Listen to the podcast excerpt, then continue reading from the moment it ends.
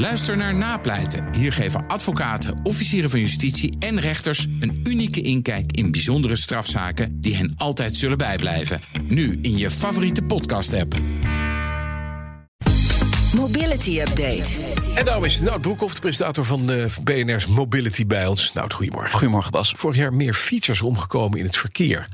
Dat is toch wel pijnlijk, hè? Als we aan, naar het aantal verkeersdoden kijken. Hoe groot is het contingent fietsers dan? 229 van, de, 610. Dus een derde Een is derde. fietser. Ja, en dat is ook het hoogste aantal in 25 jaar, zegt het CBS. Ja, zit daar een effect van corona bij? Eh, we zijn natuurlijk meer gaan fietsen, een kwart meer, zegt de Fietsersbond. Een fietser is gewoon kwetsbaar in het verkeer. Je hebt natuurlijk de afleiding via eh, je smartphone. Eh, je hebt meer e-bikes. Je rijdt verschillende snelheden. Een derde van die 229 doden reed op een e-bike. Dus ja, er moet wel iets gaan gebeuren om eh, misschien daar iets aan te doen. Ja. Vind je niet? Ja, zeker. Dat zou je zeker willen doen. Maar eh, die cijfers, wat valt er verder op als je, dat, als je die bekijkt, onder de loep neemt? Want Nou. het aantal verkeersdoden in, in auto's dus, het andere verkeer, of zijn het ook wandelaars die ertussen zitten? Nee, kijk, de, de automobilisten die zijn omgekomen in het verkeer eh, is juist gedaald. Ja. Van 237 naar 195. Zo. Maar ja, goed, dat, dat komt dus ook weer door corona. want we rijden minder. Het is dus een verschuiving. We, we komen niet om in de auto, of minder om in de auto moet ik zeggen. eh, maar meer op de fiets, omdat we daar gewoon kwetsbaarder Ja, zijn. ja, zeker. Dus daar, daar moet je echt wel naar gaan kijken En of je dat veiliger kunt inrichten. Met name e-bikes, hè? daar vallen Ja. de grootste klappen. Ja.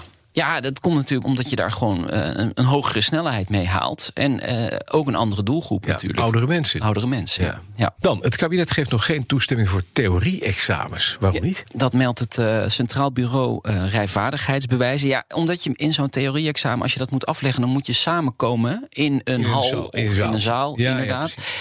Betreft de theorie-examens voor auto, motor of bromfiets, zeker niet mogelijk tot 27 april, heeft het kabinet gezegd. Ja, dat is natuurlijk wel een flinke streep door de rekening voor het CBR, want daar hebben ze grote achterstanden opgelopen door corona ook.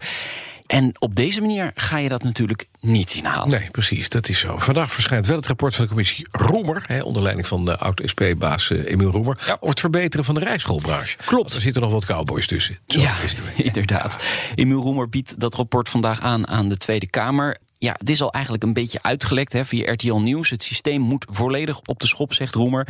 Meerdere theorie- en praktijktoetsen wil hij in eh, laten voeren. Strenge eisen voor rijinstructeurs en rijscholen, inderdaad, om die cowboys ertussen uit te halen.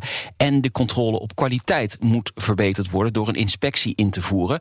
Het gevolg is wel dat het rijbewijs halen duurder zal gaan worden. En ik moet zeggen, het is al niet heel erg goedkoop in Nederland. Dus uiteindelijk is degene die een rijbewijs wil halen daar de dupe van. Oké, dan naar een ander groot probleem. Want de Europese laadinfrastructuur... dan praten we over die eh, elektrische voertuigen... die groeit niet snel genoeg. Ja, dat zegt de Europese Rekenkamer in een rapport.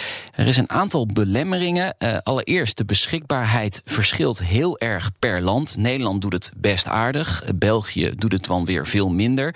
En ook in Frankrijk zijn er veel minder oplaadpunten. Dus het verschilt gewoon heel erg.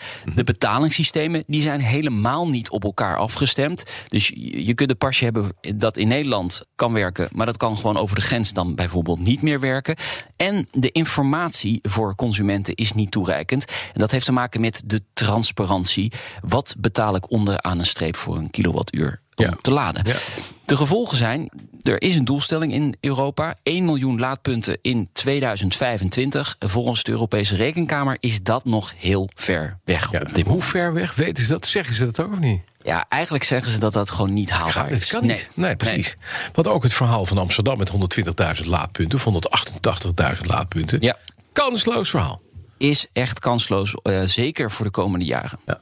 Misschien moeten we toch eens wat meer kijken naar waterstof. Ja, maar ja, daar heb je natuurlijk ook een infrastructuur voor nodig. Ja, maar dat is, die is te bouwen. En daarbij, we hebben, we hebben gasleidingen. Ja, maar Dat is makkelijk. Het is altijd kip en ei verhaal. hè. Wat is de eerder? Ja, nee, precies. De infrastructuur of de auto's? Het is een beetje in het verhaal natuurlijk ook wat je ziet aan... eh, wat je zag in de jaren 70 en 80 met de video's. Ja. VHS, Betamax en het VT1000 van Philips.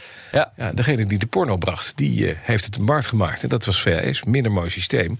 Ja, en uiteindelijk misschien is dat eh, toch waterstof. Licht een grid, er is een ruggengraat.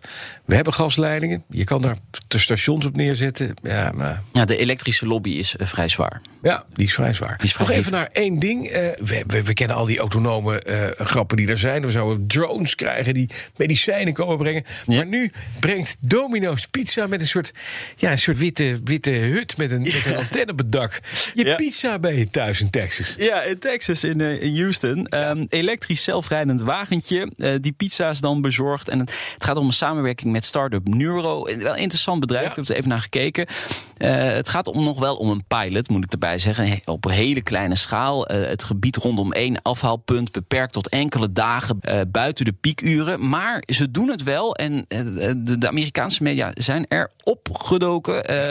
CBS, NBC, alle BBC. Iedereen is er langs geweest om te kijken hoe het werkt. En het schijnt te werken. Het is geen verlaten 1 april grap. En ja, je pizza blijft natuurlijk wel echt lekker warm in zo'n wagentje. Het is echt een leuk ding. Ze hebben daar ook boodschappen mee al rondgebracht. Hebben het Noero doet Ja. het ook al. Ja. Maar nu dus je warme pizza komt naar je toe rijden. Ja. Ja, ik vind het wel gaaf. Ja, en eh, je hoeft eh, dan eh, geen eh, fooi meer te geven. Hè? Nee. Nee, en je hebt ook niet iemand die op de brug de klep open doet... en dan twee keer roggelt en op je pizza spuugt en dan weer doorrijdt. Ja, alleen het probleem is wel gezien? Volgens mij worden in, in Amerika een miljoen pizza's per dag gegeten. Dus dit, dit gaat wel een verkeersprobleem op veroorzaken op, op een gegeven moment, denk ik. Zoveel van die wagentjes tegelijkertijd. Dankjewel, nou Broekhoff. BNR Mobility Update wordt mede mogelijk gemaakt door ALD Automotive, Fleet Support en Mobink. Mobink. Shift Forward. BNR Headlines. De hele dag binnen- en buitenlandse politiek. In Nederland hebben we geen munitiefabrieken. De hele dag economie. vijf dagen in de week bezorgen. Dat kan niet uit. De hele dag technologie. Amerikanen weer op de maan. Heb je eigenlijk geen tijd, maar wil je toch op de hoogte blijven? BNR Headlines. Het laatste nieuws, maar dan in het kort. Ga naar je podcast-app en abonneer je op BNR Headlines.